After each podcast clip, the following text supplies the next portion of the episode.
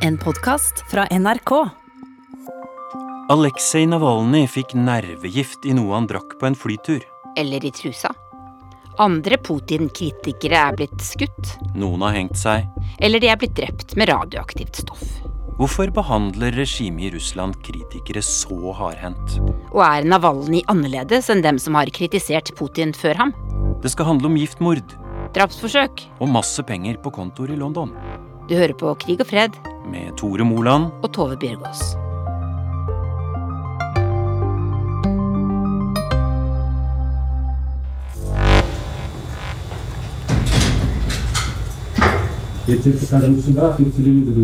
Kan du beskrive hvordan Navalny så ut der inne i, i rettssalen eh, eh på tirsdag? Han, han, vet jo nå at han blir sittende i fengsel, men han ser, han ser ikke redd ut. Nei, og, og det er han jo ikke. Jeg mener, eh, han er jo det, det er Alle de russerne jeg snakker med som, eh, som liker han, sier at motet hans er jo helt ufattelig. Noen vil jo si at det nesten nærmer seg eh, noe selvmordsaktig over dette her. Ved at han drar tilbake og er villig til å gå i fengsel der hvor myndighetene har absolutt all kontroll over han, og hvor hva som helst egentlig kan skje med han. Jeg er eh, Jan Espen Kruse. Jeg er eh, korrespondent for NRK i eh, Moskva. Han eh, hadde jo en eh, overbærende mine. Han smilte jo en god del. Han eh, drev litt gjøn med hele systemet. Han mener jo at hele rettssaken er absurd, og at det er egentlig bare ren politikk fra myndighetenes side som gjør at han i det hele tatt er i rettssalen, og at han blir fengslet. Men han, var jo hard i sin kritikk av, Putin da, og sa at hensikten med dette skuespillet er å, å skremme russerne fra å demonstrere, skremme dem fra å støtte opposisjonen. Så, eh, og, og, så kom han jo med en eh, eh, litt av en uttalelse. Han sammenlignet med eh, historiske figurer i, russisk historie, hvordan de har fått klengenavn på seg. Han sa at eh, president Putin kommer til å gå ned i historien som truseforgifteren. Fordi eh, ifølge Navalny så er det Putin som har gitt ordre om at Navalnyj Navalny skulle forgiftes, skulle drepes med denne nervegiften Novichok. Og i en telefonsamtale da, som Navalny hadde med en av de som var med på dette her, så ble det da sagt at eh, giften ble plassert i, eh, i underbuksa til Navalnyj, Navalny. Og at det var, det var det som var kilden da til eh, forgiftning. These are people who are trying to steal my country. And I'm strongly disagree with it. I'm not going to be, uh, you know, a kind of speechless person right now. I'm not going to keep silent. Disse folka forsøker å stjele landet mitt, og jeg har ikke tenkt å være et stemmeløst menneske nå, sa Aleksej Navalnyj til en amerikansk journalist i 2017. Da hadde bloggeren allerede blitt arrestert mange ganger og var nekta å stille til valg. Men det skulle bli verre. I august i fjor ble han akutt sjuk under en flytur i Russland. Piloten nødlanda. Navalnyj ble fløyet til Tyskland, der leger på et sykehus i Berlin redda livet hans. Og bekrefta at han hadde nervegiften Novitsjok i blodet. Det er litt uklart eh, hva det er som virkelig har skjedd, hvor giften har vært. Om den har vært ett sted, to steder eller, flere steder.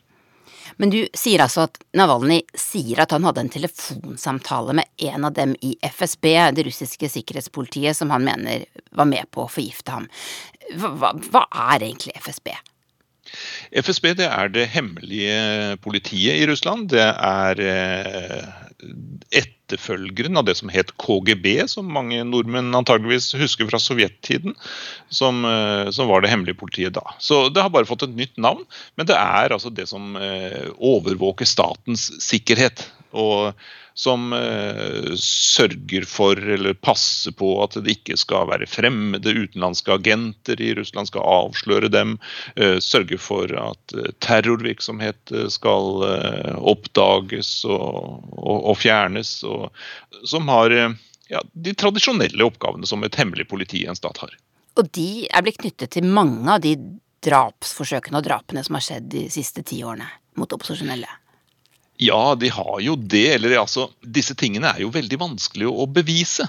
Men denne liberale opposisjonen har jo har jo da eh, sagt eh, hver gang det har vært eh, sånne saker, så at, at de blir forfulgt. Det er FSB, det er det hemmelige politiet som uh, gjør livet vanskelig for dem. Som prøver å, å hindre politisk opposisjon i, i, Russland. Og opposisjonen sier at det er FSB som driver med disse hemmelige aksjonene, og som er med å ja, arresterer, fengsler, også også av og til tar livet av uh, opposisjonelle, de som de oppfatter som en trussel mot det politiske systemet. Vladimir Putin came from nowhere. He'd been a minor official in the KGB. The oligarchs in many ways brought Vladimir Putin to power. Vladimir Putin ble altså president i Russland i år 2000. Men før det så hadde han jobbet både i KGB og FSB, altså det hemmelige politiet. Da Putin ble president, så hadde Russland nettopp gått gjennom noen heseblesende år etter at Sovjetunionen gikk i oppløsning i 1991. Og overgangen fra kommunisme til markedsøkonomi hadde gjort en håndfull russere helt ekstremt rike.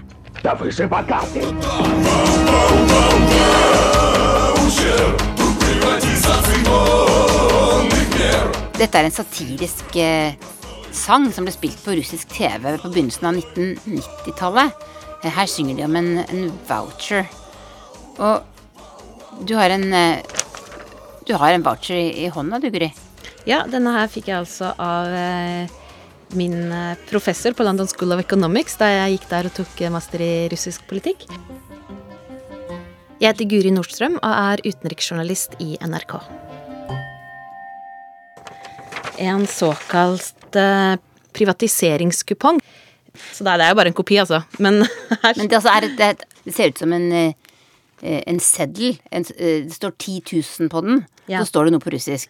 10 000 rubler står det, og så står det 'statlig verdipapir', gyldig til 31.12.1993. Og dette er altså en kupong, en voucher, som alle russere fikk av myndighetene i 1992? Ja, det stemmer, fordi etter Sovjetunionens oppløsning i 1991, så var det jo skikkelig cowboytilstander i, eh, i Russland. Man forsøkte, liksom kort sagt, å gå fra planøkonomi til markedsøkonomi omtrent over natta, og det måtte jo gå galt. Men det som skjedde, var at eh, i 1992 så begynte man privatisering av statlig eiendom, som da var et ledd i overgangen til markedsøkonomi. Og alle som bodde i Russland, de fikk utdelt en privatiseringskupong, altså denne her voucheren som jeg sitter med her, som da kunne veksles inn i statlig eiendom. Men mange av russerne skjønte jo ikke hva i all verden de skulle med denne papirlappen. Folk ville jo heller ikke sant, ha brød og vodka. Man hadde levd under et kommunistdiktatur. Man hadde jo aldri hatt noe sånn her i, i henda før i det hele tatt. Så eh, disse voucherne de ble solgt på auksjon, de ble solgt på gata. Og så var det jo et lite fåtall som skjønte hva dette her faktisk var verdt. Og de fikk jo kjøpt opp disse voucherne for en slikk og ingenting. Og disse folka er jo de som da etter hvert ble Russlands aller, aller rikeste menn, og som fortsatt er det, de såkalte oligarkene. På et tidspunkt så var det jo sånn at eh, syv oligarker kontrollerte hele 50% av den russiske økonomien. En høy, tynn mann med mørkt hår og briller ser veldig lei seg ut der han står inne i et bur i en russisk rettssal. Han heter Mikhail Kholorkovskij, og året er 2003.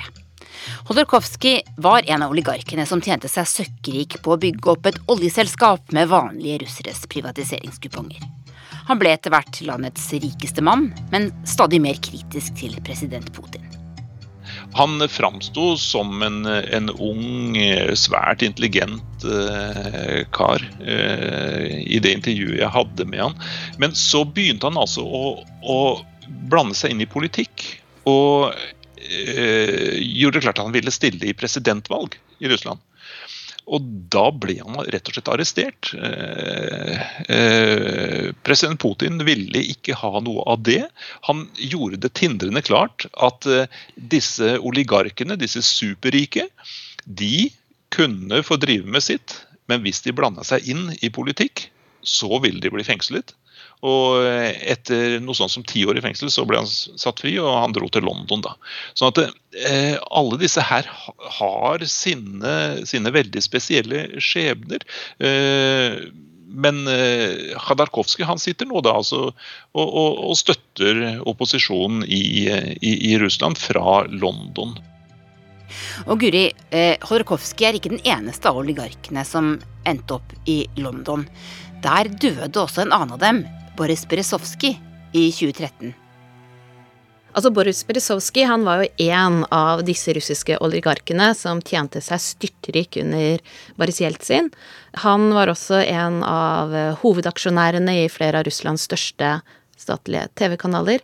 Etter hvert så kom han på kant med Putin og ble en av hans største kritikere. Han eh, fikk da også flyttet altså til eh, Storbritannia, der han fikk eh, flyktningstatus, og hvor han fortsatte da å kritisere Putin derifra. Han døde også, men ble han drept? Akkurat rundt det så hersker det litt eh, tvil hva det var som egentlig skjedde rundt eh, hans dødsfall. Altså Russiske påtalemyndigheter de anklaget jo Berezovskij for å planlegge og begå statskupp i Russland, og bare flere ganger Storbritannia om å utlevere han, noe han da ikke ble. Han hadde jo fått flyktningstatus eh, der. Og så døde han da for ja, 2013, sju år siden, da. I Surrey. Altså, det var, det, det var spekulasjoner om, eh, om om, Russland kunne vært involvert på noen måte, men samtidig ble det også sagt at eh, han hadde vært deprimert. Men flere av de som du har snakket om nå, de, de bodde altså i London, eller de bor i London, de endte opp i Storbritannia. Hva er denne linken til Storbritannia fra Russland? Ja, Det er litt interessant, for at utstøtte russere de har faktisk lang tradisjon for å dra til London. Allerede i 1903 så dro Lenin og Trotskij og rundt 50 andre til eh, London for å snakke sammen om hvordan de skulle styrte den russiske tsaren.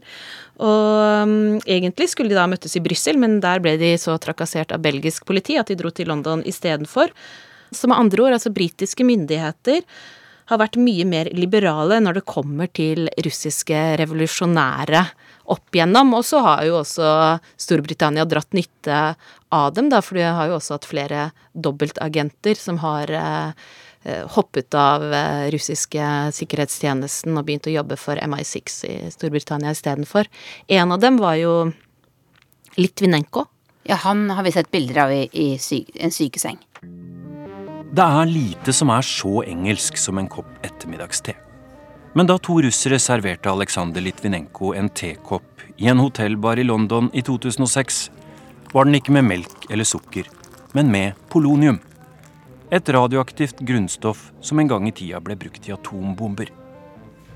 Kanskje husker du bildene av den hårløse, gulbleke Litvinenko i sjukesenga.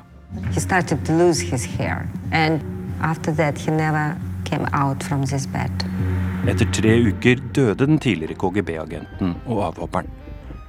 Du har kanskje lykkes i å bringe én mann til taushet, herr Putin, men protestropene skal gjalle i ørene dine resten av ditt liv, lød hans siste ord. I was the Guardian's Moscow correspondent for four years between um, 2007 and, and 2011, and I, I, wrote about things the Kremlin didn't much like. For example, how much money Vladimir Putin has. Um, and I think the thing that really irritated the Kremlin, uh, my investigation into the murder of Alexander Litvinenko in 2006, the dissident who was poisoned with a radioactive cup of tea. Um, and all of this culminated in my being thrown out of the country in 2011. Um, I'm Luke Harding. I'm a journalist with the Guardian newspaper and a writer, author of several books on Russia, most recently Shadow State. And so can you just just list for me uh, a few of the Russian uh, opposition figures who have actually been assassinated in the UK? I mean, how long have you got? it, it is a long list. Um, Alexander Litvinenko in 2006, um, Boris Berezovsky in, in spring 2013 found found dead in his ex-wife's home, possibly suicide, possibly not. Um, and we have others like someone called Alexander Peripolichny who, who dropped dead while jogging. No cause of death was ever established, but the suspicion was that he too was poisoned. So at least four. uh, and several other sort of question marks. Den britiske journalisten Luke Harding ramser opp russiske opposisjonelle som har dødd i Storbritannia de siste 20 årene.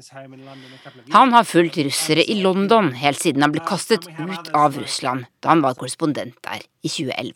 A lot of them have died in pretty murky circumstances. Radioactive cup of tea, Berezovsky was found hanged, um, and uh, others have been strangled, poisoned, and so on. And I, I think I think the thing about London is that that the Kremlin, Russia has a love-hate relationship with it. I mean, they love it because it's a place where they hide their money, all the money they've stolen back home, defended by British lawyers, hidden in British bank accounts. Um, but hate because it's it's seen as this center of anti-constitutional opposition to legitimate Russian power. That's how Putin sees it. Han mener noen russere elsker London fordi det er der de gjemmer pengene sine. Men hva med president Putin? And he really hates the UK. I mean, he had tea with the Queen once, but that was a long time ago. And the thing you have to understand is that he really hates traitors, what he calls traitors in inverted commas, people who defect to the other side, like Sergei Skripal, who was poisoned in Salisbury in 2018. På en benk i sentrum av byen Salisbury har en far og datter satt seg ned sammen. De har vært en tur på kjøpesenteret, spist middag og vært innom puben. Mens de sitter der på benken, mister begge bevisstheten. Den russiske dobbeltagenten Sergej Skripal og dattera Julia er forgifta med nervegifta Novitsjok. Britisk politi mener to russiske agenter sto bak. Nervegiften hadde de gjemt i ei parfymeflaske som blir kasta i ei søppelkasse. En mann finner den og gir den videre til ei dame han kjenner. Hun sprayer Novitsjok på begge håndleddene og dør. Både Sergej og Julia Skripal overlever.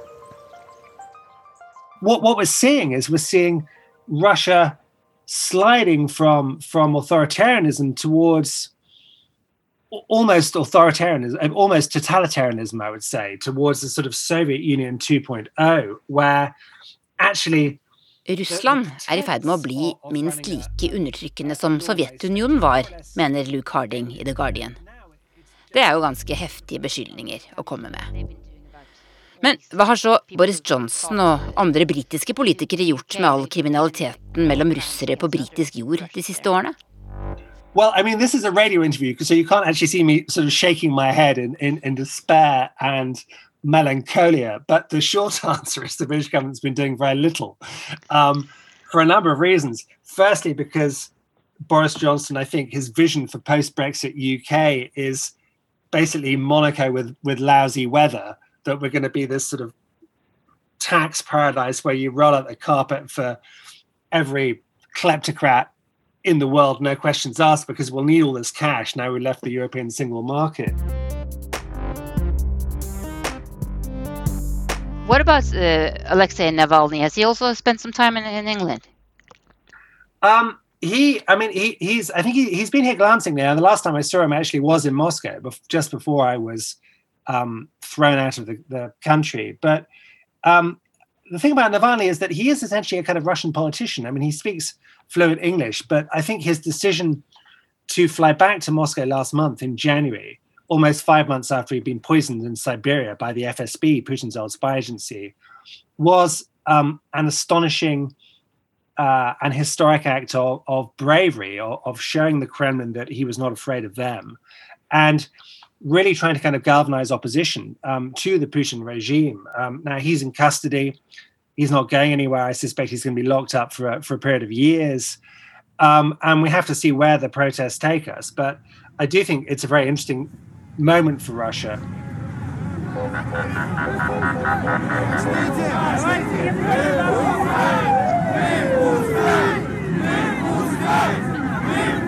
Hva, hva skjer med de? Har du sett folk bli arrestert?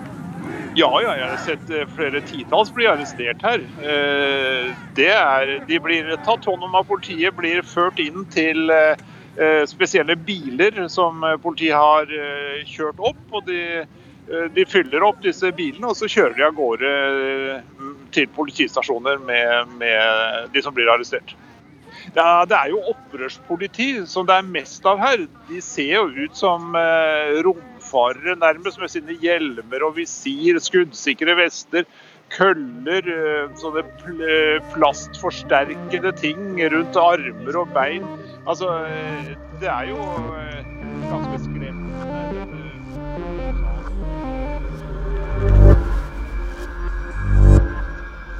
Er dette en slags ny fase i Putins Russland, det, det, det vi ser nå med Navalnyj? Ja, dette er, dette er nytt. Det at vi ser demonstrasjoner av det, det omfanget. Ikke ikke det at eh, det er noen titusener som deltar. Det er ikke det viktige. Det viktige er at eh, det har altså blitt demonstrert over veldig store deler av Russland. Første gang i over 100 byer. Og, det har man ikke sett før at uh, misnøyen, at russere uh, markerer sin misnøye så sterkt over store deler av landet. Hva med Putin selv og måten han slår ned på dette på, eller tror du han føler seg mer truet nå av Navalnyj enn han har gjort tidligere? Ja, det tror jeg. Det, det, er jo ingen andre som har gjort dette her, hvor de har kommet med korrupsjonsavsløringer mot den russiske eliten på løpende bånd år etter år. Putin sa jo på pressekonferansen, den årlige pressekonferansen i desember at eh, ja, for det første, Putin tar jo ikke Navalnyjs navn i sin munn. da. Han eh, sier bare 'pasienten i Berlin' eller 'bloggeren'. Og alle skjønner jo hvem han mener. Ja. Men han sa at denne personen har jo ingen betydning. Eh, så han, han, har gjort sitt beste for å bagatellisere Navalny. Eh, men da Navalny kom på flyet tilbake til Moskva, så stenger man altså eh, flyplassen han skulle lande på. Nå i forbindelse med demonstrasjonen så stenger man sentrum av Moskva setter tusenvis av politifolk ut. Stenger metroen, stenger bussforbindelser, butikker, kafeer. Altså, en hvis denne personen ikke spiller noen som helst rolle, så er det helt utrolige tiltak som blir satt i verk for en betydningsløs person. Du har hørt Krig og fred, en podkast fra NRK Urix. Lydregien var ved Merete Antonsen.